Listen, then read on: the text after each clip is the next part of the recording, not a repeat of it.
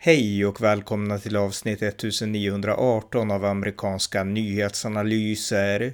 En konservativ podcast med mig, Ronny Berggren, som kan stödjas på swishnummer 070-30 28 95 0.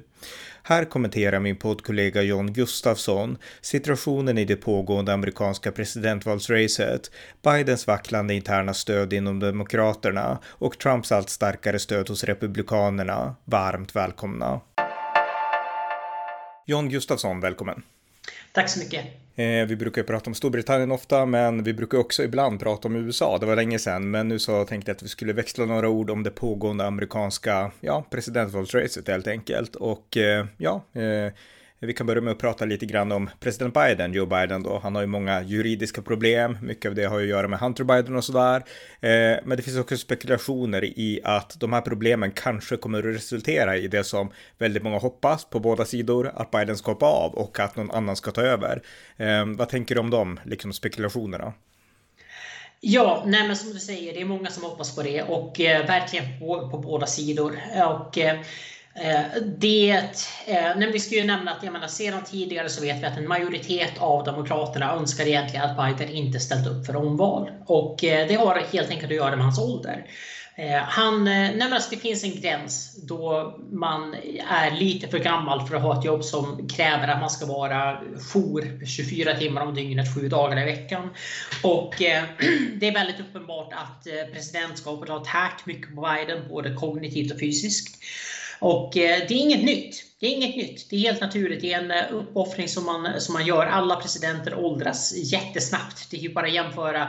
Jag menar, jämför eh, Barack Obama 2008 mot Barack Obama 2016. Liksom. Han, alltså, han, han, han, är det klassiska exemplet. För visst, man kan prata Bush, man kan prata Trump, men alltså Barack Obama, där hade vi en person som såg väldigt ung ut. Han var ju 40 eller någonting när han valdes. Och sen åtta ja. år senare så hade han, hans hår var silverfärgat. Alltså det, hade, det var verkligen en skillnad, utan tvekan. Ja, precis, precis. Så, eh, och eh, nej alltså, av den anledningen så har, eh, så, jag menar, de, även de demokratiska strateger som jobbade på Bidens presidentvalskampanj, många av dem har ju gått fram och sagt att vi, vi tog för givet att Biden bara skulle tjänstgöra en mandatperiod. Han skulle så att säga stabilisera läget efter en kaotisk Trump-period. Trump men, han, men han skulle inte ställa upp till omval efteråt utan så han skulle stabilisera, eh, stabilisera USA och sedan eh, så skulle nästa generation få ta över. Mm. Och eh, det, det var något som i princip hela det demokratiska partiet utgick ifrån. Och eh, när det blev tydligt att Biden inte tänkte på det viset, då, ja, då fick man en huvudvärk. För att eh, Eh, och det här, jag ska kanske förklara att det är inte det enklaste att utmana en sittande president. Det är ingen som har lyckats med det. Eh, alltså att eh, det hålls primärval, även på Demokraternas sida och där finns ju till exempel Robert F Kennedy, den mest kända kandidaten som kandiderar mot Trump på, på Demokraternas mot sida. Biden, mot Biden? Ja, precis. Mot, mot Biden på, på Demokraternas mm. sida. men det har aldrig hänt hade presidenten förlorat ett primärval. Det närmaste man kommer, det var Lyndon B Johnson 1968 som kunde ställa upp till omval om han hade velat. Men valde att inte göra det efter att han, det såg ut som att han faktiskt hade en stor risk att förlora primärvalet och han ville inte ha den, den skammen över sitt, sitt eftermäle. Men eh, och sen är det också det att i de fall där det har funnits en seriös utmanare till eh, nomineringen så har det partiet som så har den presidenten inte blivit, blivit omvald. Så Carter till exempel hade en utmaning eh, hade en utmanare 1980 i Ted Kennedy. Det här gjorde att, eh, och Ted Kennedy var, ja, inte jättenära att vinna, men han tog en, en hyfsat stor del av partiet. Han vann några delstater i primärvalet ändå. Och eh, Eh, och eh, det här var en bidragande orsak till att Carter sedan inte hade en chans mot Ronald Reagan i valet på hösten. Eh, när man som president måste spendera ja, dels pengar, det är inte oviktigt, dels pengar bara på att säkra stödet och liksom göra reklam inom sitt eget parti och resurser bara på att försöka ena partiet. Eh, då, jag menar, det, det är en distraktion, det blir ett tvåfrontskrig.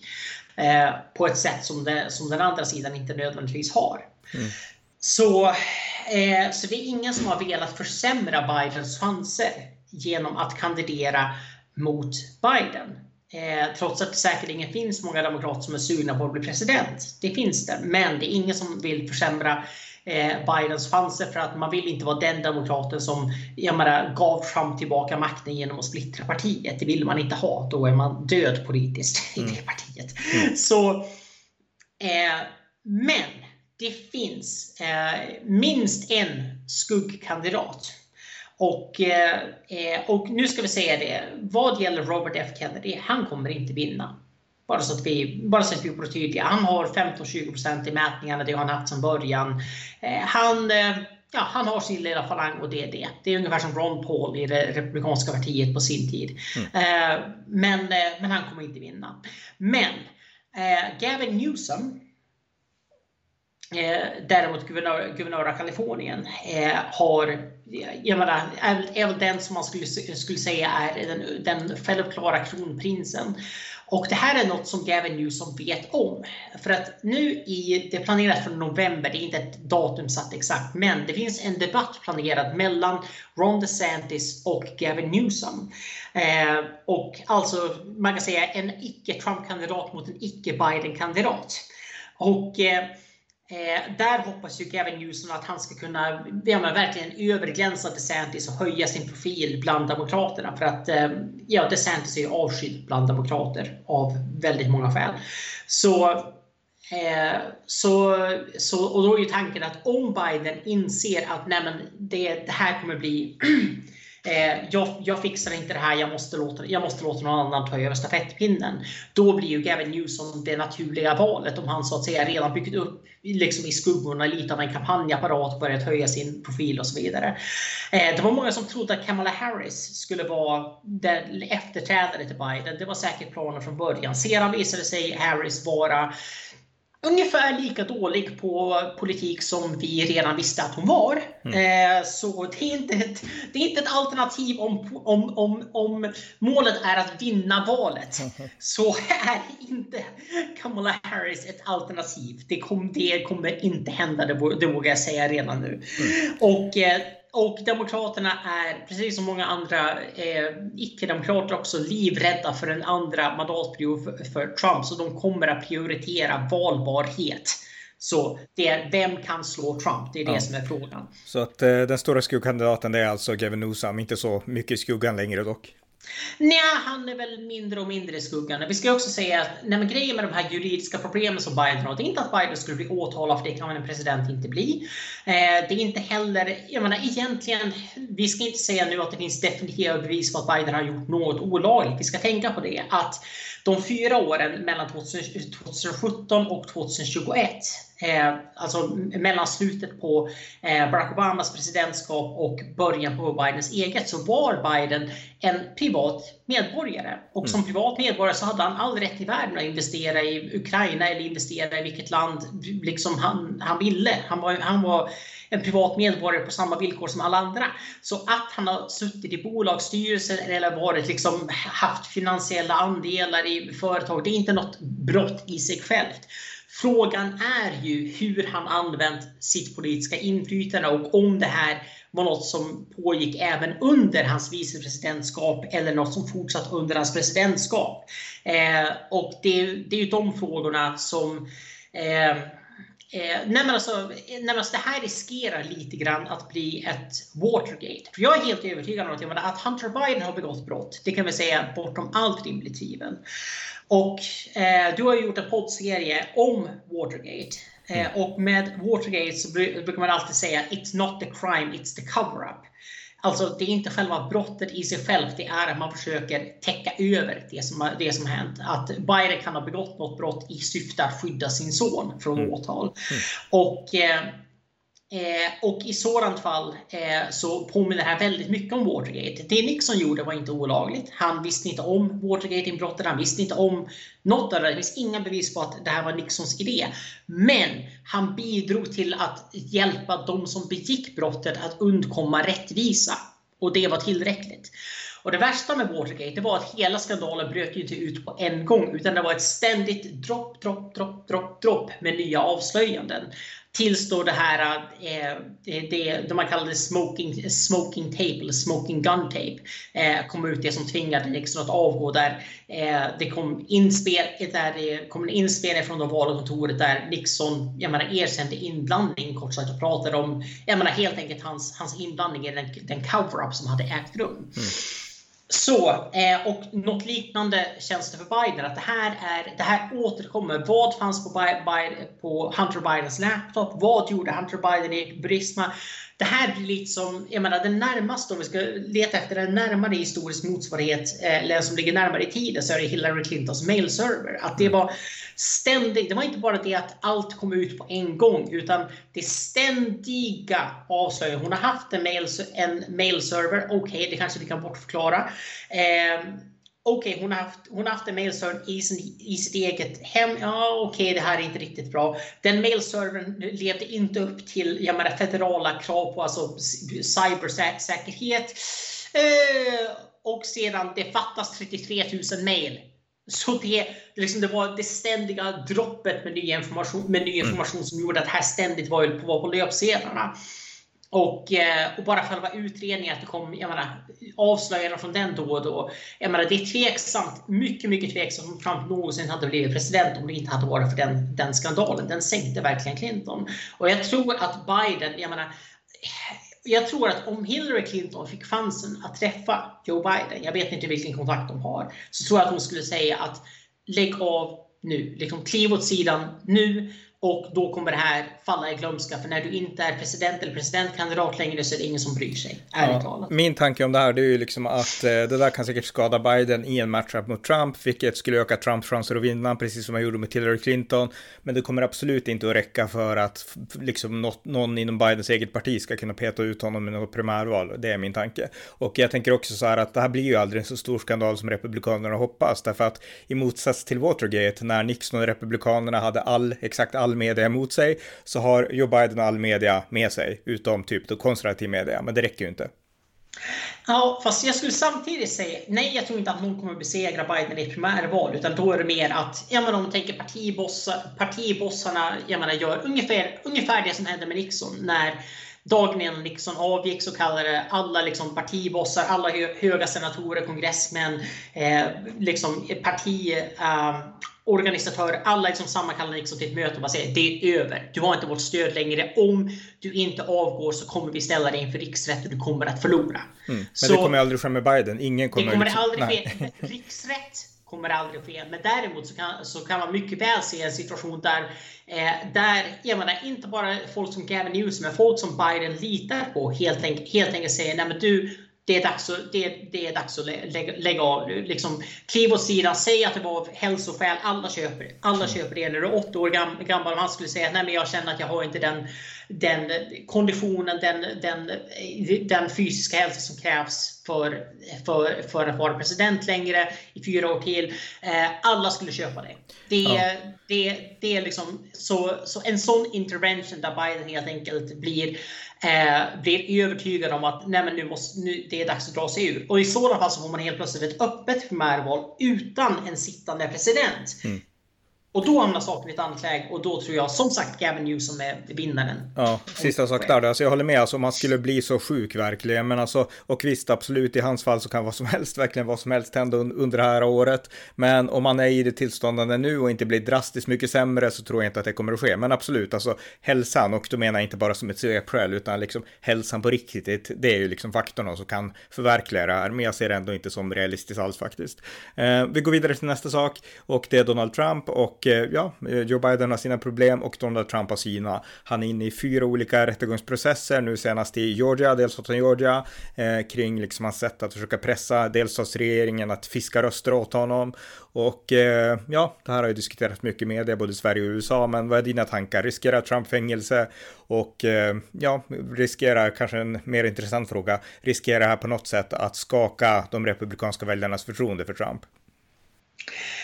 Um, ja, vi kan ju börja med den första frågan. Om Trump riskerar fängelse eller inte, det beror helt på om han blir presidentkandidat eller inte. Och i synnerhet om han vinner presidentvalet så nej, inte en chans.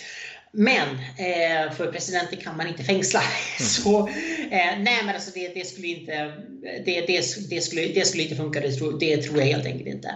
Men eh, om han inte jag menar, eh, om man inte blir republikansk presidentkandidat, ja. Och om man förlorar presidentvalet, troligtvis också ja. Eh, och det här är för att, jag menar, och jag vet att eh, de flesta lyssnare är lite mer positiva till Trump än jag är, kanske. Är, är du fortfarande negativ? Till Trump? Ja. Mm. Mm. Men, där, men, eh, men eh, sen, är, sen är jag lika negativ till Biden för den delen. Men, eh, Eh, men när man läser, åtal, när man läser åtalspunkterna så jag menar, det första åtalet det var strunt och det har jag sagt tidigare. Men därefter så har det gradvis varit mer och mer seriösa eh, mer och mer seriösa åtal. Trump måste bara fällas på en punkt för att hamna i fäng fängelse och nu, jag menar, det senaste åtalet hade väl varit 37 punkter eller sånt där. Det var, jag menar, det, det som Trump, Eh, det som, det som är Trumps försvar, det är att han Eh, det är yttrandefrihet. Helt enkelt att ja, han sa att valet var stulet, men varje amerikansk medborgare har rätt att säga det. Det faller under yttrandefrihet. Ja, han eh, försökte, jag menar, han ringde upp eh, Brad Raffensperger i Georgia och försökte få honom att, att jag menar, ändra valresultatet. Men återigen, det faller under yttrandefrihet. Det är det försvar som Trump har. Mm. Och eh, det är bara det att eh, yttrandefrihetsförsvar på det här viset när det gäller saker som hotar den konstitutionella ordningen. Som det, gäller, alltså det, det som hotar ett, eh, ett stabilt och, fred, och fredligt, liksom regelrätt eh, maktskifte. Där har domstolarna, kan jag säga historiskt, kanske inte gått på yttrandefrihetens sida. Så det där ser inte bra ut för Trump. Det, det är det försvar han har, det kan funka. Eh, det finns konservativa analytiker som tror att det kommer funka, det finns de som tror att det inte kommer funka. Um, men, men alltså att yttrandefriheten är inte så absolut att du får säga vad som helst i vilken position som helst. För det är ju det att är man president, och Trump var president under de månader när de här brotten ska ha begåtts. Mm. Trump var president. Och det gör i sin tur att, eh, att hans, jag menar, allt som han säger till någon kan tolkas som påtryckningar. Även om, om en vanlig medborgare hade ringt upp Brad Raffensperger och sagt åt honom att ändra rösträkningen. Det hade ingen brytt sig om. Det hade varit helt lagligt. Men när presidenten gör det, när ledaren för ditt parti gör det, då hamnar saken i ett lite annat läge och då blir yttrandefrihetsförsvaret lite lite mindre okomplicerat. Ja, alltså det, det vart ju, alltså jag minns ju allt det där, det vart ju i praktiken en utpressningssituation i princip mot Raffensperger. Ja. Mm. Ja, nej, men det blev, det blev det. Och jag menar, det är så Trump är. Det är så han har gjort business i årtionden.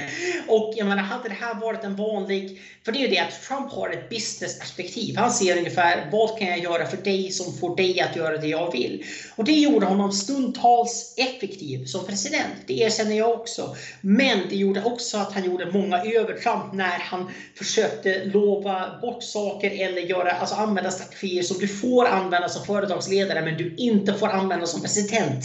Mm. Så eh, och det, är, det, är en stora, det är en stora svaghet. Och det är som jag säger, att Trump växte aldrig ur affärsrollen. Han växte aldrig ur det här transaktionella där jag gör en sak för dig, du gör en sak för mig.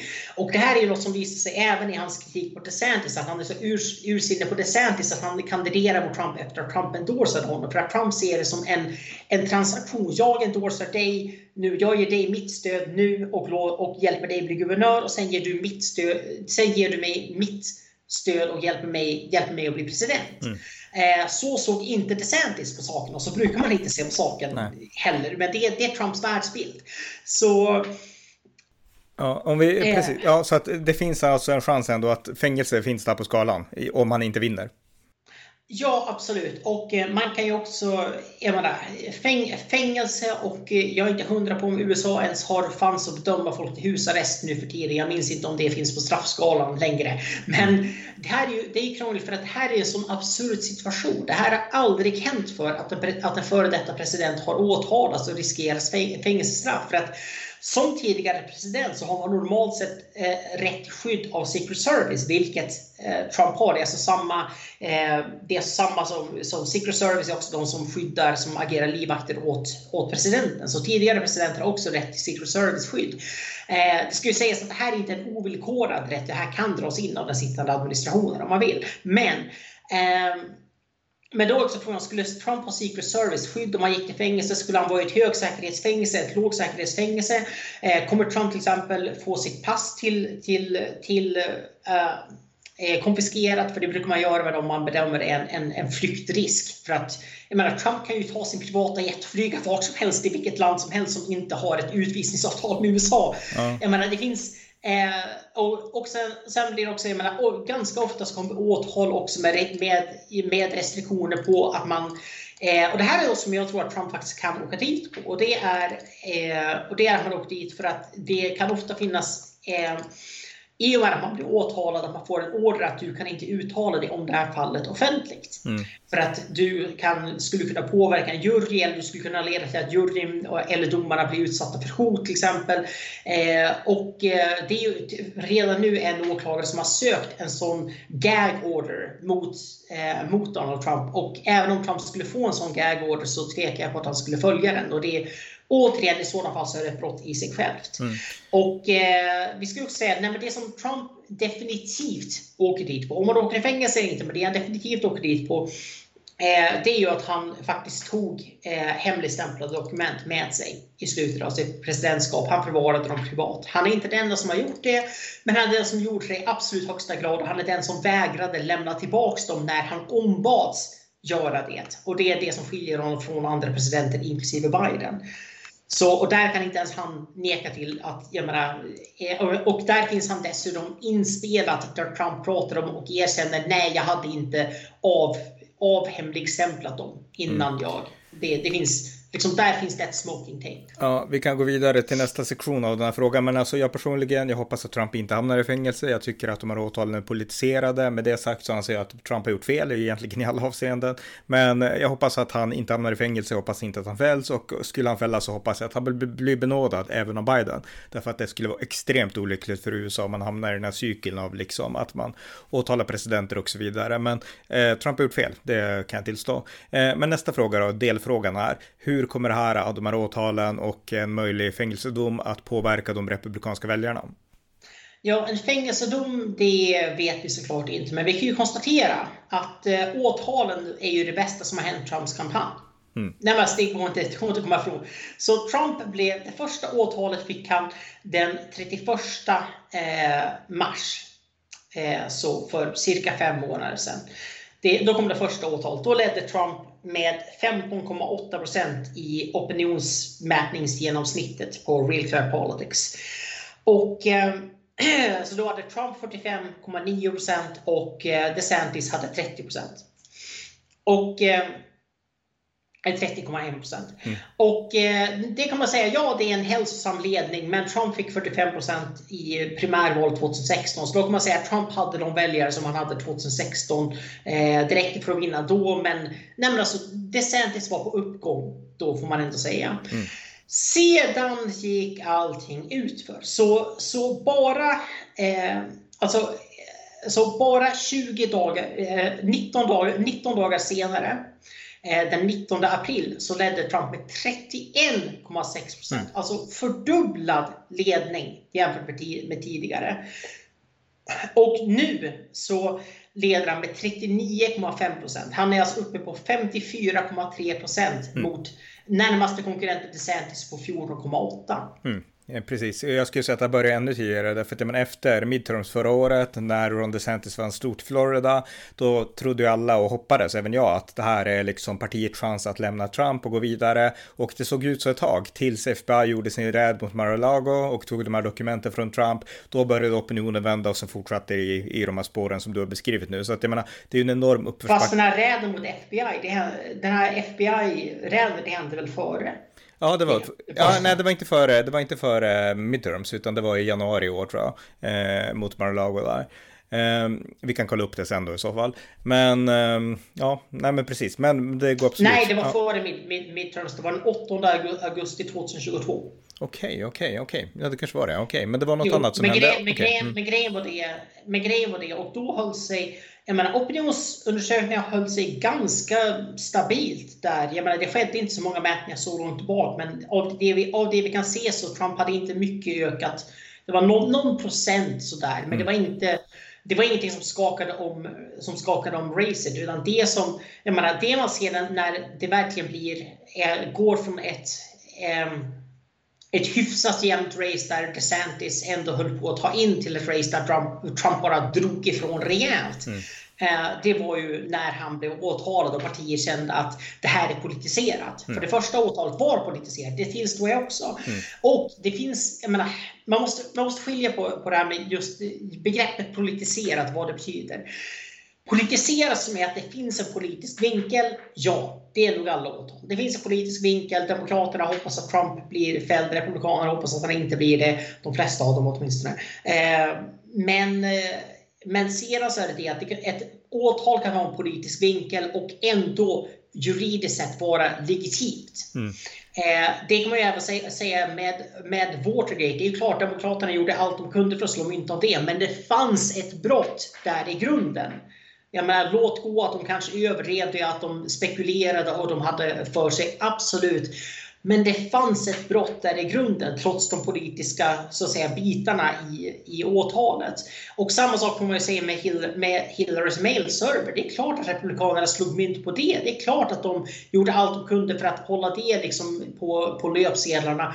Men det fanns ju vad jag skulle argumentera var ett brott och åtminstone grov misskötsel där från Clintons sida. Så att de inte, det är inte ömsesidigt uteslutande. Det måste man samtidigt ha väldigt klart för sig.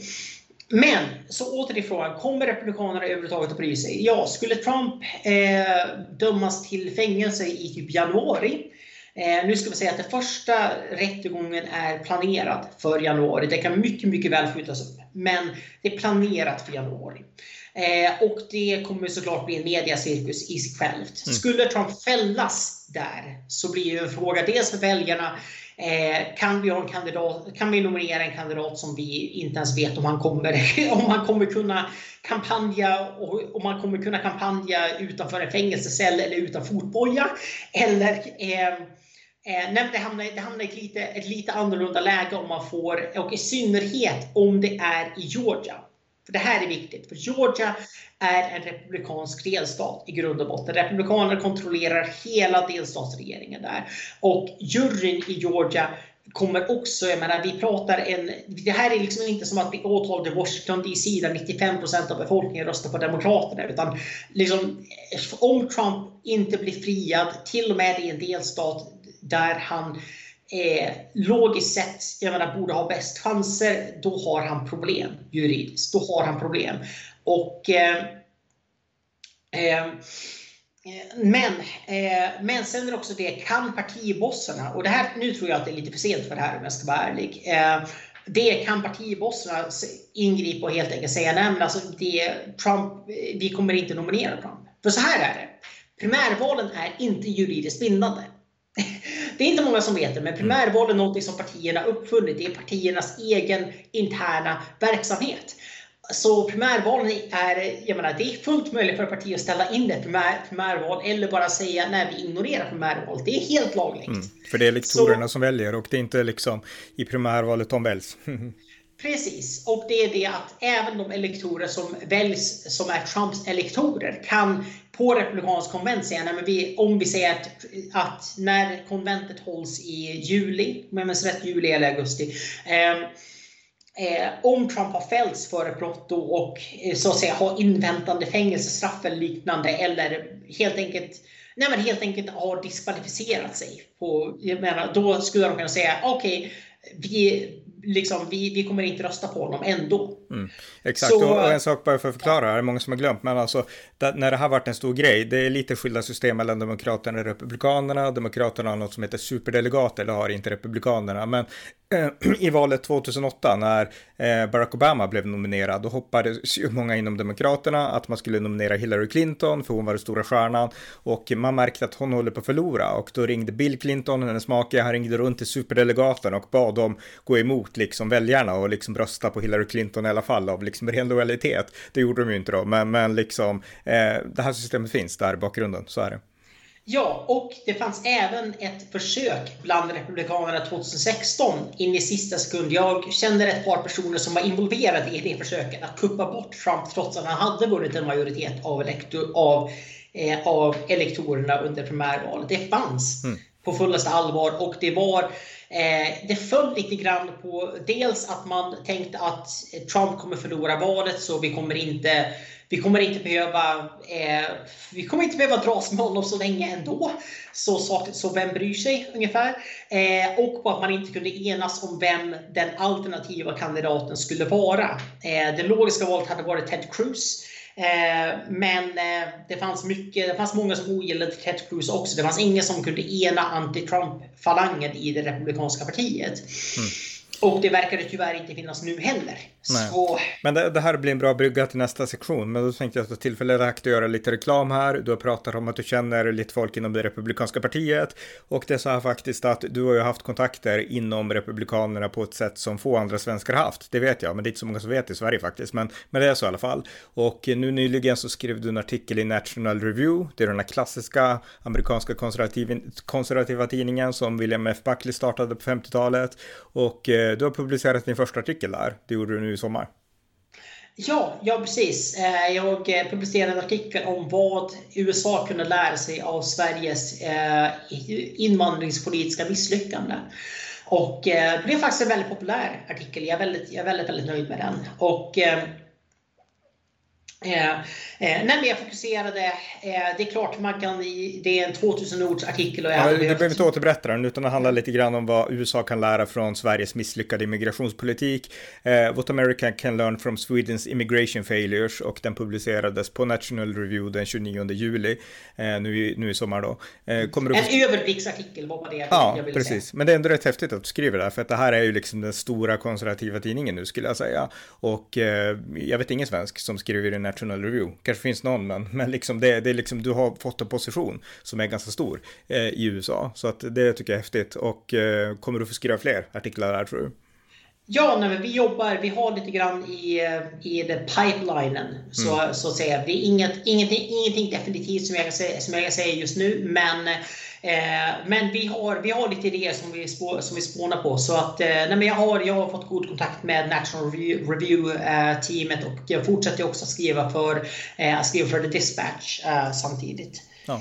Eh, för det intressanta här då, jag vill börja göra här som en liten passus, alltså i bakgrunden här, vi har Donald Trump nu och de flesta svenskar som är intresserade av Republikanerna, de blev det via Trump, men faktum är att det fanns ett stort, och det här är inte något negativt epitet i det här sammanhanget, men ett republikanskt etablissemang eh, i bakgrunden som var mycket, mycket större än Trump. Och många av dem var kritiska till Trump, men de är fortfarande vettiga och republikaner. Och eh, det finns en stor konservativ mediemiljö. Somliga har slutit upp bakom Trump, men miljön är så stor och har så många djupa rötter att det är större än Trump och det kommer att bestå även efter Trump. Och eh, där har du kontakter som få andra svenskar har och jag tycker att det, det är jättespännande. Så att eh, ja, jag vill börja göra den lilla reklamen där. Eh, men vi kan gå vidare. Tack så mycket. Ja, visst, visst. Eh, vi kan gå vidare till nästa fråga då och det har med Ron DeSantis att göra då, som då är guvernör i Florida och som, som vi sa, han var den som alla hoppades på, men det har ju inte alls gått så bra som, som, som han hade hoppats, inte minst. Eh, så frågan är, varför har Ron DeSantis stjärna slocknat, skulle du säga? Och vilka misstag har hans kampanj begått? Jag menar, en del saker har att göra med att eh, omständigheterna, det här vänsterliberala dreven på Donald Trump som gjorde att Trump fick en automatskjuts egentligen. Men kanske har Ron DeSantis kampanj också gjort misstag. Vad tänker du?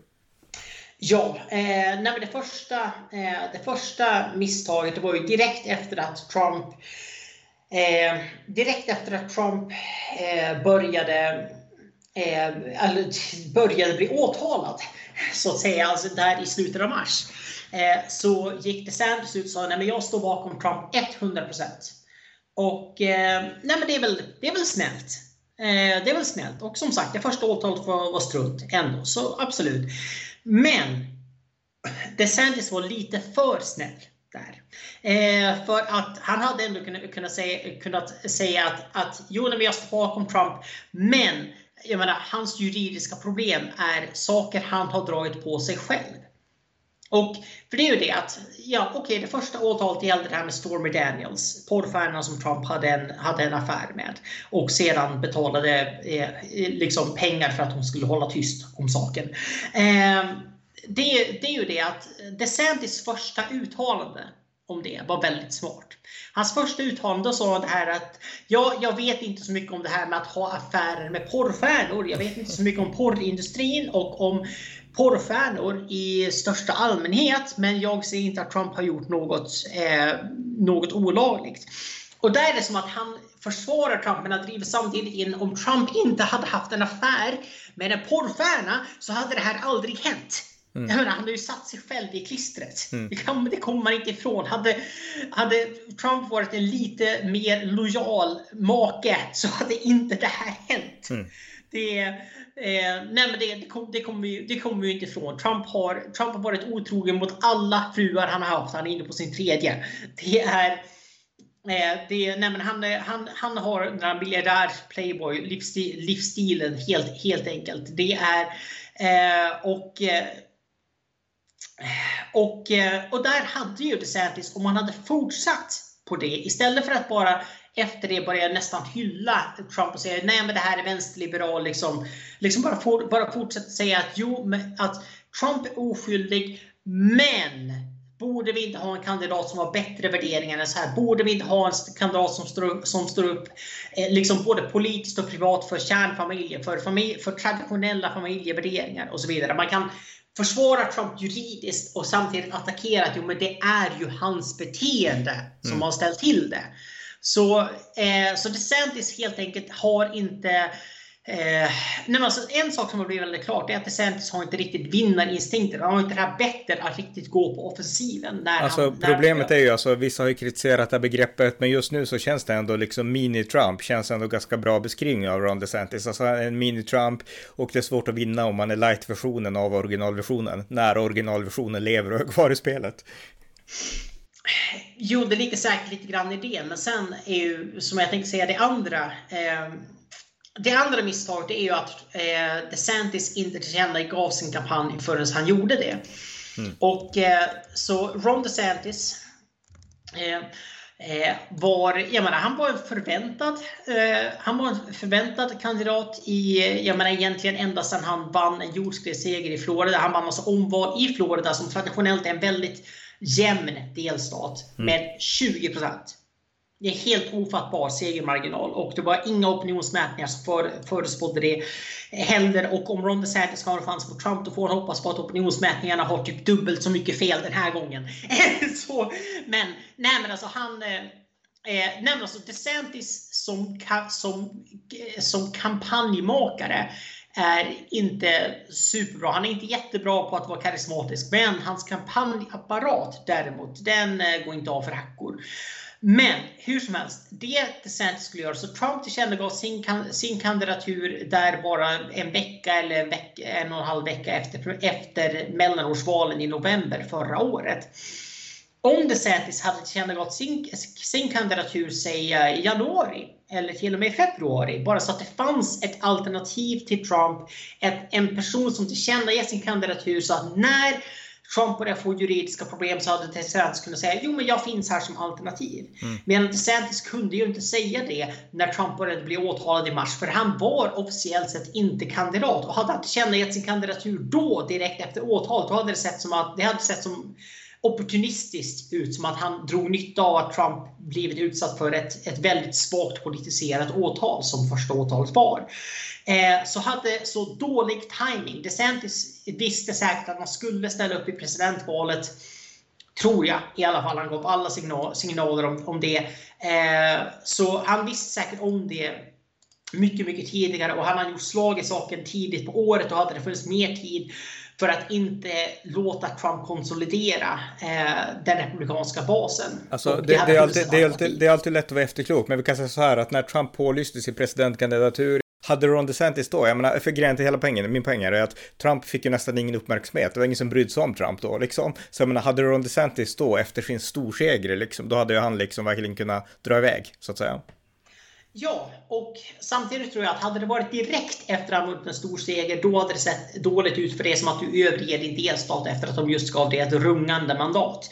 Eh, men, eh, men som sagt, januari, februari, början av mars, någonstans där. Eh, och det är ju då man brukar. Det är, liksom, det är då presidentvalskampanjer historiskt sett brukar börja. Det är mm. runt om månaderna om du vill bli president som du, som du känner er kandidatur. Året, de första månaderna året före valet. Mm. Så det hade inte varit något märkligt alls.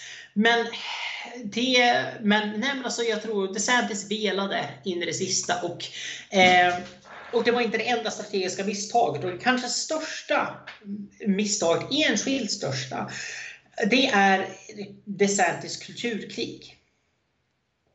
Och nu ska jag säga det. Jag hör till de som egentligen är ganska positivt inställda till kulturkrig. Eh, jag anser att om man ska ha ett konservativt land så kan man inte ha en hel liberal eh, media, en hel liberal jag menar, kultur, kulturetablissemang och så vidare. Nej, men alltså konservatismen måste, måste kunna stångas på fler arenor än bara, än bara politiskt. Så det, jag är positiv som så till, till kulturkrig. Men eh, det DeSantis försökte göra det var att bygga en kampanj i princip helt på att han hade fightats med Disney och han hade fightats med menar, alla möjliga bokföretag och han hade fightats med transrörelsen och jag menar, och, gre och grejen är bara det att även bland republikanerna, liksom det, det är saker där republikanerna håller med honom, ja. Mm. Men det är inte frågor de flesta bryr sig om sådär jättemycket. Och, så alltså, var, det är inte, och sen var det ju lokalt också. Det var ju väldigt mycket Florida liksom. Alltså det, nu har han ju tagit steget upp på en mycket högre nivå. Så att du, du är rätt, alltså det räcker inte. Och det, och, och det, det är grejen för att det du framför allt ska ha som presidentkandidat, det är plånbokspolitik. Hur ska du göra ekonomin bättre? Och hade DeSantis fokuserat till exempel på inflationen, jag menar vi säger att det hade varit kampanjfokus, då hade han fortfarande haft den värdekonservativa falangen som eh, jag menar, vet om att han är, eh, han är en, ja, men en trogen kulturkrigare, mm. om, om vi uttrycker det så. För det vet alla. Det vet alla som vet något om DeSantis vet att den här personen kan vi lita på. Han, han tar i med hårdhandskarna mot, mot alla woke-tramsande. Men då hade han också kunnat påpeka att Floridas ekonomi går väldigt bra. Fokusera på den, fokusera på den biten. Fokusera på att Florida klarade sig bättre under pandemin. Fokusera på jag menar helt enkelt för att det som folk minns och det som ger folk så att säga Trump-nostalgi. Det är att under Trumps presidentskap så gick ekonomin bra. Mm. Det kan ingen, inte ens jag, ta ifrån honom. Ekonomin gick bra under Trump, fram till pandemin. Då. Mm. Men ekonomin gick bra under Trump. Det var väldigt låg inflation, det var det före Trump också. Men jag menar, tillväxten gick bra, arbetslösheten blev, blev, nådde rekord eh, nivåer. Och det är många som bara tänker att jo, men Trump gjorde det en gång, han kan göra, han kan göra det igen. Jag skulle hävda att det kanske inte är riktigt är så enkelt. Eh, men det, men, det, men det är grejen att det, det som DeSantis behövde övertyga folk om, det är jo men ni kan få Trumps ekonomi, men utan att välja Trump. Ni kan få helt enkelt, för, Trump, för det man trodde att DeSantis skulle kampanja på, det är att jag är Trump men utan allt Trumps bagage, utan alla eh, porrstjärnor, utan Han, han har ju försökt hinta åt det hållet ibland, det har han ju gjort. I, i vissa, I vissa fall, men han, måste, han skulle ha varit mycket tydligare på det, på det att jag kan, allt det Trump kan göra, det kan jag, det kan jag göra också. Men till skillnad från, från Trump så kommer inte, jag, kommer inte jag låta mig distraheras av jag menar, en, en massa jag menar, Twitter-fader och allt möjligt. Alltså allt, det är ju det, Trump har ju guldfisk liksom minne. Jag mm. menar, även när han kom på bra idéer så var det sällan som de blev utförda just för att han blir så distraherad av det som råkar vara trenda på Twitter eller är, är i nyheterna just nu. Trump hade till exempel en idé som president om att man skulle dra, dra tillbaka all, eh, alla federala, eh, alla federala eh, bidrag till universitet som inte liksom, tillät yttrandefrihet bland sina studenter. Det var ett superbra förslag. Och jag sa det till och med när Trump la det. Jag sa mm. det här är ett superbra, superbra förslag. Men det blev ingenting av det. För att Trump blev distraherad av någonting veckan efter. Och eh, där är Ron DeSantis är, med, är helt enkelt bättre på att regera. Att både komma på ett förslag och sedan gå igenom detaljerna och följa upp med så att, alla, så att det faktiskt blir utfört, implementerat precis som man vill. Men, men han så, skulle ha betonat de skillnaderna mer då, Ron DeSantis? Precis, och det är det att han hintar på de här sakerna ofta. Men han säger, han, han hintar, han säger liksom att jag får jobbet gjort. Men då måste man säga till skillnad från han där. Det är det som är grejen. För att Republikanerna vill ha en fighter. Det är det som drog dem till Trump till att börja med. Trump är en fighter. Mm. Så det Ron DeSantis behövde göra det var att visa att jag är, jag är en fighter jag också. Jag kan ta, jag kan ta fighten med, med Donald Trump. Och nu när Trump ser ut att backa ur eh, eller inte vilja delta i, i den första presidentvalsdebatten som om jag minns rätt är den 26 augusti. Eh, så eh, då borde ju Ron DeSantis kört direkt på nej men Trump är, Trump är rädd, för, rädd för att debattera. Han är rädd för att, för att låta det jag har åstadkommit, det jag har åstadkommit min, det, mot, mot Vogue-företagen, det jag åstadkom under pandemin ställas i direkt kontrast med hans underlåtenhet mot detsamma och mot att han sålde ut hela landet till, till Fauci. Liksom. Men det, men det är det att, att är som sagt, det krävs en viss vinnarinstinkt för att verkligen liksom gå för en, en knockout. Mm. Och det är det som, som, DeSantis, som DeSantis inte har. Vi får se och debatten. Alltså, debatten är den 23 augusti kan jag säga, nästa onsdag. 23, och, ja, superbra. Mm, mm. Eh, men vi får se, alltså om Trump är med där, då kan det bli en fight mellan de två. Det kommer bli... Alltså... Det kommer bli en fight mellan de två, men jag tror att Trump är smart nog att veta att om man leder med 40% så vinner man ingenting på att debattera. Mm. Eh, nej men alltså Trump har, det finns alltid ett segment i Republikanerna som inte kommer rösta på Trump. Mm. Jag menar, så är det bara. Och jag skulle tro att Trump är väldigt nära hans tak, så att säga, i, i primärvalsstöd. Och det är frågan, vad skulle han vinna på? Vad skulle han vinna på, på att ställa upp i en debatt? Det kan tänkas att han gör det om, om han blir triggad och provocerad till att, gör, till att göra det. Men eh, ja, nej men alltså, om, Trump, om Trump är smart så låter han bli. Ja, jag, jag, tror personligen att han inte kommer att kunna låta bli faktiskt, utan jag tror han kommer att komma dit. Men vi får ja, se. Alltså, mm. det, jag, jag skulle jättegärna se en debatt med Trump. Mm. Absolut. Jag, menar, jag, jag hoppas att han, han kommer dit. Jag säger bara att Eh, skulle jag vara kampanjrådgivare åt honom så skulle, jag säga åt honom att liksom, nej, undvik, undvik det till, var, till varje pris. Låt liksom de där andra klassens kandidaterna tjafsa bland sig själva. Det är ingen som kommer se det. Men om Trump ställer, ställer upp, då kommer ju, jag menar, det kommer ju bli tiotals miljoner tittare på det. Jämfört med, ja, kanske jag vet inte, några miljoner säkert, men det kommer inte bli ett lika stort event. Så skulle Trump ställa upp och han faktiskt får på käften under, eh, under den debatten, om det sen av Ron DeSantis eller av Chris Christie som ju är den som mest aktivt har varit aggressiv mot Trump eller Eh, och som också är en väldigt bra debattör skulle jag säga. Eh, eller om det är någon annan, eh, till exempel hans vicepresident Mike Pence. Eh, jag menar, om han skulle faktiskt förlora en debatt, då skulle ju det kunna vara faktiskt det som gör att det här blir, blir ett race igen. För att en debatt där Trump är med, det har ett underhållningsvärde som en Trump-lös debatt inte har. Och det kommer faktiskt folk att se. Mm. Gällande rådgivare, alltså jag vet inte ens vilka som är på Trump. Jag menar förra presidentvalet, eller 2016 i praktiken, men även 2020. Men även Kellyanne Conway, vi hade ju alla de här då, till och med Paul Manafort här 2016 och de här. Men jag menar i år, alltså det är ju Trump själv.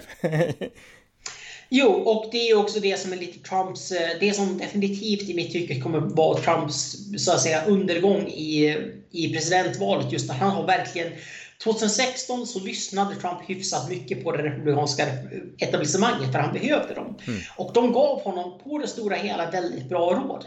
Och det är, menar, och det är just för att det republikanska, republikanska etablissemanget, även om de inte är så tuffa eller så aggressivt konservativa som man kanske alltid vill, så är det människor som har jobbat med politik och som har vunnit jag menar, kampanjer tidigare. Så att de gjorde... nämligen alltså, Trump gjorde, Trump gjorde rätt i att, i, i att lyssna på dem som han gjorde då. Men eh, i takt med när Trump blev president och så lyssnade han mindre och mindre och mindre på så att säga dissenting voices.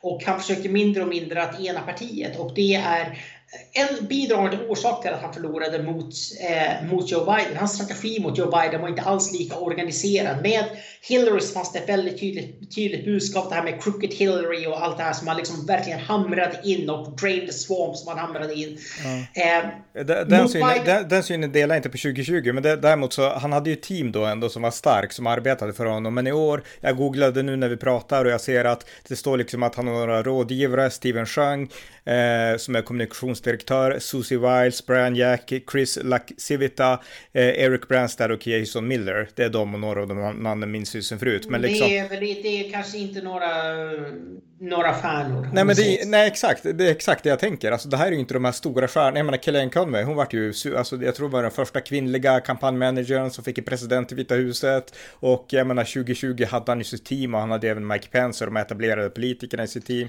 Men, Mike menar... Pence var också en, en mycket mer bidragande orsak till att Trump vann, för han tyglade Trump väldigt mycket, hans värsta impulser. Mm. Och eh, eh så, Nej, så det är något, det är något nu, nu, känns rådgivarna verkligen som att nu hoppar vi tillbaks till 2015, ingen riktigt vet om man vill vara med i Trumps team eller inte. Alltså det här är ett svagt team, det, det måste sägas.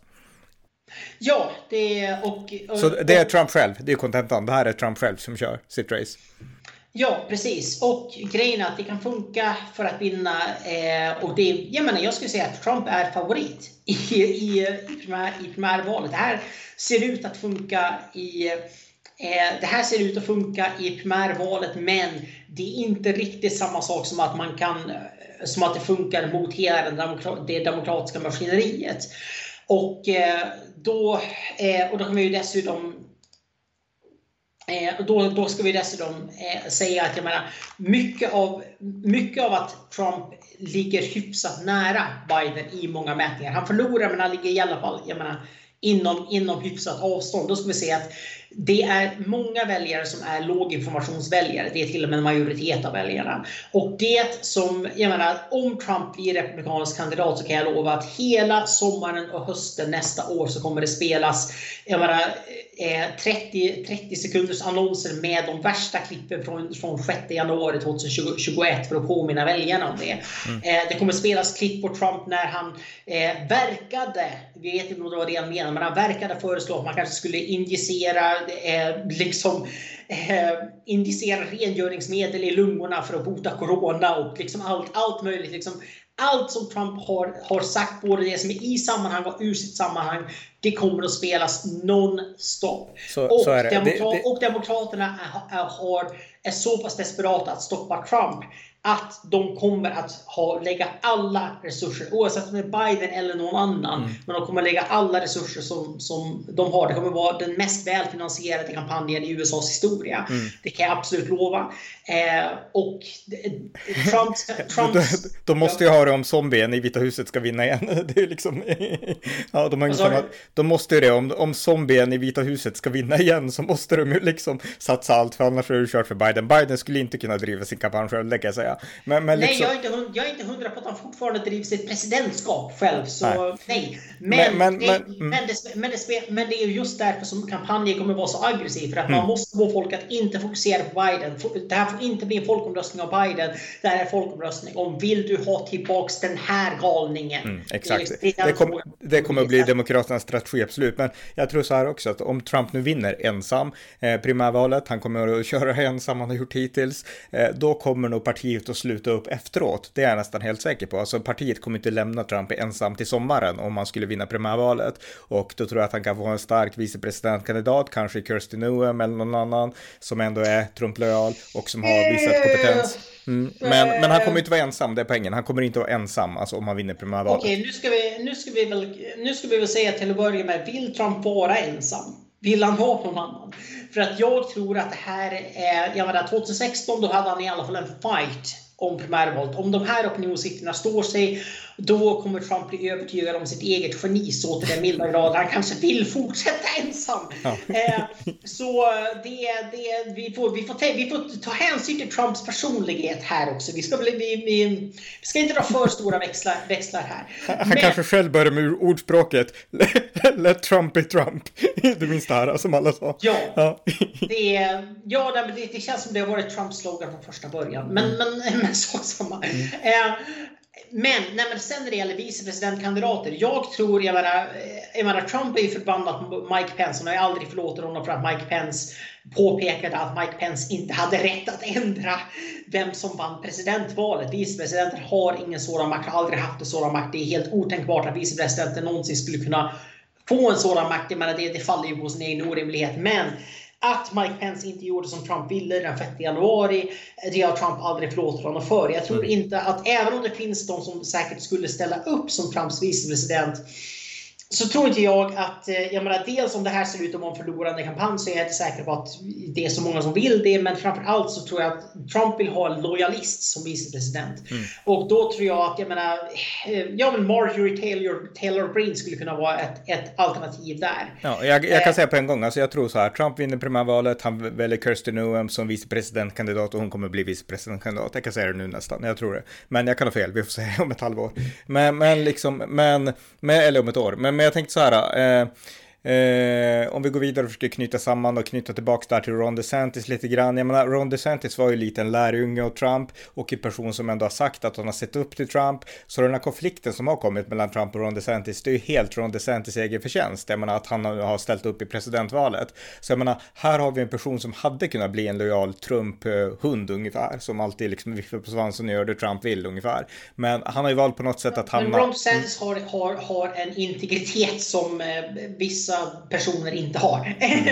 och eh, nej, men sen, sen ska jag också säga det att ja, Ron DeSantis Eh, Ron DeSantis hade troligtvis inte blivit guvernör om inte Trump hade endorsat honom i primärval. Troligtvis.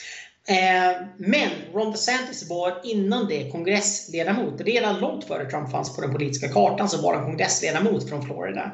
Och, och eh, så det är inte så att Ron DeSantis inte hade någon karriär, liksom att Trump liksom verkligen gjorde, liksom made him. Så är det inte. Utan DeSantis hade sin, egna, sin egen politik och sin egna, eh, ja, men sina egna jag menar, han var, han var en, en, en rising star i Florida-politiken även innan Trump ens hade tillkännagett sin kandidatur. Mm. Så, eh, så jag tror att det bidrar till att DeSantis inte kände samma riktigt lojalitet.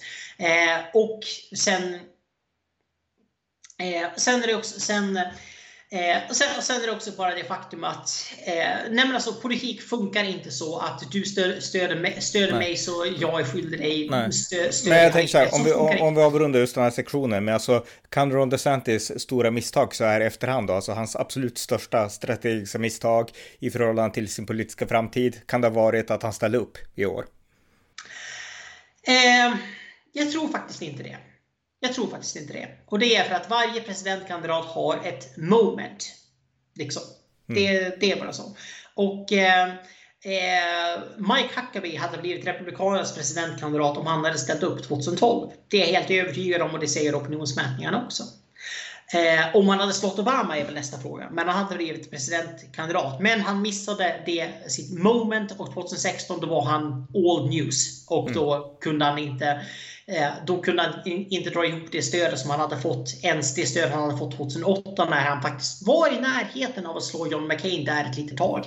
Mm. Eh, och eh, på, samma, på samma sätt så på samma sätt kan man, kan man säga att jag menar, jag menar, om du ställer upp i fel cykel så kanske du aldrig får ett moment. Och om du missar ditt moment så får du troligtvis aldrig ett till moment. Om det som Ron DeSantis hade kunnat göra det är att vänta till 2028. För att i, helt enkelt i tron att eh, nej men oavsett om Trump förlorar så ställer han inte upp igen och om Trump vinner så kan han ju inte ställa upp igen för då har han suttit två mandatperioder och då, mm. det är ju maximalt i USA som man får sitta. Eh, men till att börja med, om Trump förlorar så finns det, och han fortfarande är vid liv 2028, så eh, finns det ingenting som säger att Trump inte ställer upp 2028. Nej, men alltså Trumps Nej men på fullt allvar. Vad, vad, vad har han att förlora? Vad har han att förlora? Han älskar kampanjer. han älskar de här jublande, jublande åskådare. Han älskar varenda bit av det. Liksom, varför, skulle, jag menar, varför skulle Trump någonsin gå i pension? Du, du har rätt. Det bästa sättet att stoppa Trump för Demokraternas del, det är att låta honom vinna, för då får han inte ställa upp igen. Liksom. Ja. Eh, ja, du kan ju... Ja, det, säg det åt Joe Biden. Mm. Nej, men, Eh, nämner, i alla fall så, så nämner alltså Trump, kom, Trump kommer inte att... Eh, det, finns, det finns ingen anledning att tro att Trump, om han förlorar primärvalet och eh, om han vinner primärvalet och förlorar mot Biden så finns det inget som säger att han inte kommer ställa, ställa upp igen. Mer än att eh, så att säga han kanske dör innan dess. Eller hans hälsa blir så dålig att han inte kan kampanja. Men eh, men, men, men, jag tänkte så här, men, sen, men sen det andra det andra, och det här är väldigt viktigt, det är Ron DeSantis är hot stuff just nu. Och det är mm. många som har, som har varit det. Jag menar, det har varit, det har, eh, Sarah Palin, direkt efter valet 2008 såg det ut som att hon var given att vinna, att bli Republikanernas presidentkandidat 2012. I slutändan ställde hon inte ens upp, för hennes stjärna hade slocknat vid 2012. Då hade hon gjort så många misstag att de flesta republikanska primärväljare stod inte bakom henne längre. Så det slutade med att hon inte ens ställde upp bara för att ja, men hon visste att hon hade ingen chans då. Nej, och sen kom så, Trump in lite senare, typ 2015, och då tappar man helt fokus från henne. För hon var den stora stjärnan där under de första åren i Obamas liksom, Ja, jag, menar, jag, minns, jag minns när hon blev, när hon blev. Och jag, menar, jag, mm. tycker, jag, menar, jag tycker hon har fått väldigt mycket tid hon inte förtjänade. Mm. Men, men, eh, men, men, liksom, men, hur, men hur som helst. Ja. Så, så jag menar, hon, hade, hon hade ett moment där. Ja, men din, din poäng är det att, han, att Ron, exakt, din poäng är nu för att inte göra för långrandigt, är att Ron DeSantis han har sitt momentum nu och han hade inget annat val än att ta den här chansen. Nej, och 2028, även om Trump inte ställer upp, så kommer Ron DeSantis inte längre att vara guvernör av Florida och mycket av det som han har gjort nu som har gjort honom populär, det kommer vara skåpmat för det laget. Mm. Och det kan mycket väl vara så, för vi ser en, en trend där kulturkriget faktiskt håller på att gå i Republikanernas favör. Fler och fler företag avskedar sina mångfaldskonsulter och allt, allt mm. möjligt. Eh, många företag lär sig av Budweisers misslyckande att man kanske inte ska blanda in värdegrund och pridefärger i precis allting. Nej, men alltså, det, det är mycket, jag menar, det politiska klimatet 2028 kan mycket väl vara ett där folk har glömt pandemin, så de har glömt att Ron DeSantis hade sin vägrade lockdowns. De har glömt, eller tänkte inte lika mycket i alla fall på kulturkrigsfrågor som Ron DeSantis är bra på. Han är inte längre sittande guvernör. Jag menar, nej men alltså, så kort sagt, det här var hans bästa chans. Mm. Det kanske inte var bra nog, han kanske inte förvaltade det särskilt bra. Men det här var hans, bästa, det här var hans bästa chans. Det här valet och det förblir hans bästa chans. Mm, ja. Eh, med det sagt så kan vi gå vidare till nästa fråga då. Och eh, det är frågan, jag menar, det här är ju lite grann det tråkigaste primärvalet som jag har hängt med i. För att jag menar, Trump kommer att vinna. Det är liksom, det finns inget, det finns inget annat troligt scenario skulle jag säga i primärvalet. Men eh, alltså, varför finns det då så många andra kandidater som är kvar? Speciellt nu när det ser ut som det gör. Ja, eh, vi har ju pratat i, nästan uteslutande om, om Trump och DeSantis, men det finns, eh, och nu ska jag ta dem i år i opinionsordning. Eh, så eh, de, andra, eh, de andra kandidaterna som finns det är Chris Christie, eh, tidigare guvernör av New Jersey, Tim Scott, senator från South från South, South, South Carolina, Vivek Ramaswamy, Affärsman eh, med indisk bakgrund. Mm. Eh, precis. Eh, eh Dog, Bur eh, Burgum är tidigare, tidigare guvernör i North Dakota. Ja, precis. Eller förlåt, sittande guvernör. Han är sittande, så var det. Mm, mm, sittande, sittande mm. guvernör sedan 2016 av, av North, North Dakota. Nikki Haley, tidigare guvernör, guvernör av South Carolina. Uh, Mike Pence, Will Hurd, uh, Asa Hutchinson. Uh, ja, kort sagt, det finns, det finns en drös. Mm. Och eh, vi vet inte hur många som kommer eh, kvalificera sig för... Eh, vi vet inte hur många som kommer, kvalificera sig för, eh, för debatten. Men eh, vi vet att eh, eh, vi vet i alla fall att så, så det finns, det finns fem kandidater som, är, som, är, som definitivt har kvalificerat sig. Och det är Doug Burgum, Ron DeSantis, Nikki Haley, Vivek Ramaswamy och Tim, Tim Scott. Mm.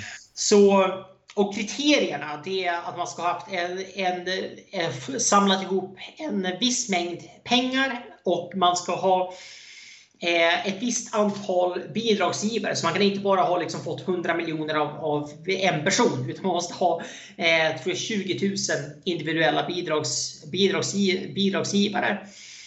Eh, sedan så måste man ha nått en viss standard i opinionsmätningarna. Och eh, sedan måste man även ha signerat en eh, en eh, loyalty pledge där man lovar att man kommer att stödja den som blir Republikanernas kandidat, även om det inte blir en själv. Och eh, eh de, två kandidater, eh, de två kandidater som har nått både eh, bidrags och och opinionströskeln. Eh, men som inte har signerat den här lojalitetsförklaringen. Det är Chris Christie och Mike Pence. Men allting tyder på att de kommer att signera den. Mm. Eh, för att de vill vara med i debatten om inte annat. Sen får vi se om de håller sitt ord. Men eh, de där signerar den för de måste gå med i debatten. Så jag menar, vi kan säga sju, sju kandidater kan vi säga. Eh, ganska, ganska så, så säker. Eh, eh, jo förresten, vi har en till presidentkandidat. Eh, president, eh, eh kandidat, ehm, och eh, det är, per, det är per Johnson Eh, och eh, han har inte gjort så mycket väsen, väsen av sig, men han har faktiskt nått eh, kriteriet för fundraising. Så han har tillräckligt många bidragsgivare och tillräckligt mycket pengar. Eh, då är även Francis Suarez eh, och eh, eh Asa Hutchinson kvalificerar sig baserat på opinionsmätningar men har inte tillräckligt många bidragsgivare just nu. Men det finns, eh, det finns tid kvar. Så, men jag kan väl säga så här, troligtvis, jag skulle väl, jag skulle, om jag ska göra en kvalificerad eh, gissning så skulle jag säga att det kommer vara åtta eller nio personer. Jag tror att Hutchinson kommer kunna kvalificera sig. Jag tror att Christie och Pence eh, kommer att skriva under lojalitetsförklaringen. Och eh, om det blir en nionde person, det är beroende på Trump. Precis. Och Trump ska, Trump ska vi säga har nått upp i båda kriterierna, men han har inte signerat lojalitetsförklaringen och han har sagt att han inte tänker göra det. Nej, just det. Okej, okay, just det. Såklart, såklart. Men alltså där för jag mig tillbaka till frågan då lite kort. Alltså varför finns det så många som är kvar? Alltså det är meningslöst. Vill de, kämpa de bara om andra platserna, kanske bli vicepresidentkandidater eller vill de bara synas av andra anledningar? Eh, ja, eh så att kandidera för att bli vicepresidentkandidat är ju en, en eh, gammal strategi i och för sig. Men att konkurrera med Trump har väl aldrig varit ett bra sätt att... Eh, jag menar, Mike Pence kandiderade inte 2016. Trump kunde ha valt Ted Cruz till vicepresidentkandidat om han hade velat ena partiet på det viset. Men han valde någon som aldrig hade snackat skit om honom. så eh, så ja, jag är inte säker på att det är en bra strategi. Nej, men jag tror, jag tror så här. Eh, I fallet med Ron DeSantis, när Ron DeSantis kände av sin kampanj så såg det fortfarande ut som att han skulle ha en, en hyfsat bra chans. Eh, och eh, vi vet inte. Jag, menar, jag, ska, jag ska säga också att jag tror att, eh, att, jag tror att, eh, eh, att, Trump, att Trump kommer vinna. Han är absolut favorit. men det ja, nej som sagt, saker, saker, och, ting, saker och ting kan fortfarande, kan fortfarande hända. Mm. Och, Eh, och inte minst om Trump ställer upp i den här debatten och förlorar den. Men det är ungefär, skulle jag säga, nästan sista chansen eh, för, för dem. Ehm, men det andra, vissa som Chris Christie ställer upp av principskäl. Helt enkelt. För att Chris Christie avskyr Donald Trump. Och det här är också fallet att Asa Hutchinson ställer upp. Han hatar också Trump. Mm. I fallet med Hutchinson så är det en person som hatar Trump egentligen sedan första början. Och det kan man även säga om en, eh, en annan kandidat som jag inte nämnde, Will Hurd. Eh, jag vet inte om jag nämnde honom. Men eh, Will Hurd är också en anti-Trump-republikan från, från 2016. Så jag menar, det är en person som ställer upp bara för att vår falang måste finnas representerad. Det spelar ingen roll om vi kan vinna eller inte, men det måste finnas någon som sprider ett tydligt anti-Trump republikanskt budskap helt enkelt. Eh, och här kan man jämföra nästan lite grann med, eh, med Ron Paul som ställde upp för att libertarianska republikaner skulle ha någon att rösta på. Jag tror inte Ron Paul trodde att han kunde vinna eh, republikanernas eh, primärval, men han ställde upp för att representera sin falang och se till att hans falang ändå blev hörd i debatterna och fick jag menar, ändå ett visst inflytande får vi ändå säga i, i republikanerna en tid, en tid framöver. Eh, så när det gäller fallet med Vivek Ramaswamy, det var ingen som visste vem han var före det här presidentvalet. Så jag tror att han ställer upp för att få en, eh, för att få en, eh, en show på Fox News. Nej, men det har ju funkat för andra. Mike, Mike Huckabee fick en show på Fox News efter att efter han misslyckades i, i president, primärval 2008. Mm. Eh, det, har, det har gått för. Det har, det har och vad gäller, Mike, eh, vad gäller Mike Pence, jag tror att dels eh, tror jag också att han kanske trodde att det fanns större stöd för honom än, han, än det visade sig finnas. Eh, och jag tror också för Pence att det är lite personligt. Vi ska ju tänka på att det är sista gången som han träffade Trumps sympatisörer så ropade de “Hang Mike Pence” 6 januari. Så eh, jag tror att det finns lite, lite personligt agg mellan, mellan de, de emellan. Jag tror inte att det bara är Trump som ogillar Pence. Jag tror att det finns Ja, som sagt. Det jag, höll ju, jag höll ju fanan högt alltså för Mike Pence innan jag insåg att det här kommer inte gå. Men det är synd, för Mike Pence skulle vara en suverän president skulle jag säga. Eh, ja, men jag, jag, skulle inte ha något, jag skulle inte ha något emot honom, om vi säger så. Men eh, sen i fallet, eh, men sen är det också det, det finns inom, uh, inom schack så finns det en strategi som heter Playing for Heart Attack. Och det är när du inser att du kommer att hamna i schackmatt om jag menar, några drag och du har ingen väg ur det. Kan du spela mm. schack John? Jag visste inte det faktiskt. Nej, det har jag väl inte gjort sedan jag var barn, men jag känner till vissa strategitermer. okay, ja. eh, eh, hur som helst. Eh, men, eh, men det finns en, schack, en strategi som heter Playing for Heart Attack där du vet att du inte kan vinna. Du vet att om 3-4 drag så kommer jag att vara schackmatt oavsett vad jag gör. Men under den tiden, de 3-4 drag, så kan ju din motståndare få en hjärtattack. Och då kan du vinna på walkover. och eh, det är väl i princip det som jag, det jag tror framförallt gör att fältet är så stort. Trump är gammal. Jag menar, det, det är liksom, ja han är några, han är tre år yngre än Biden, whatever. Han är gammal, hans fysiska hälsa är inte den bästa, han är inte alls lika klar i huvudet som han var för fyra eller åtta, särskilt åtta år sedan. Och går vi ännu längre, jag har sett intervjuer med Trump 2010, det är som, det är som att lyssna på en helt annan person. Mm. Jag menar, nej, han är inte lika illa därna som Joe Biden, men ändå, jag menar, det kan finnas en poäng i att helt enkelt spela för, spela för, spela för, för möjligheten att han, får, att han bokstavligen får en hjärtattack. Mm. Och för, har man då en kampanjapparat, ungefär som det som Gavin Newsom verkar förbereda i skuggorna, har man en kampanj och en kampanjapparat, jag menar, om Trump plötsligt inte är där, då är ju fältet vidöppet. Och det finns hypotetiska mätningar som har gjorts där man frågar om Trump inte är en kandidat, om Trump inte är ett alternativ, vem väljer du då? Mm. Och DeSantis är favorit, men det är mycket, mycket jämnare. Trumps väljare fördelar sig ganska hyfsat jämnt mellan de övriga Eh, mellan de, de övriga kandidaterna, då blir det hela havet stormar. Så då kan det vara vettigt att bara, jag menar, i alla fall hålla ut till Iowa primärvalen, vara med i alla debatter, höja, höja sin nationella profil, representera sin falang så mycket som möjligt. Och skulle någonting hända Trump, att han blir eh, fängslad eller råkar coola vippen innan dess, ja men då kanske, vem vet, då kanske man har en chans trots allt. Eller om man bara skulle vinna primärvalet men dö innan valet i november, då måste ju Republikanerna välja en ny kandidat. Och då kommer man troligtvis att välja den som kom tvåa i primärvalet. Så att slå Ron DeSantis i kampen om andra platsen, det kan vara värt en hel del det också. Mm, precis. Ja, eh, bra, intressant. Eh, ja, men jag tänker vi avrundar här. Nu har vi fått en rejäl genomgång om situationen i primärvalet och eh, ja, vi nöjer oss om du inte har något mer att tillägga. Eh, nej, jag tror vi kan avrunda så. Okej, okay, ja, tack John.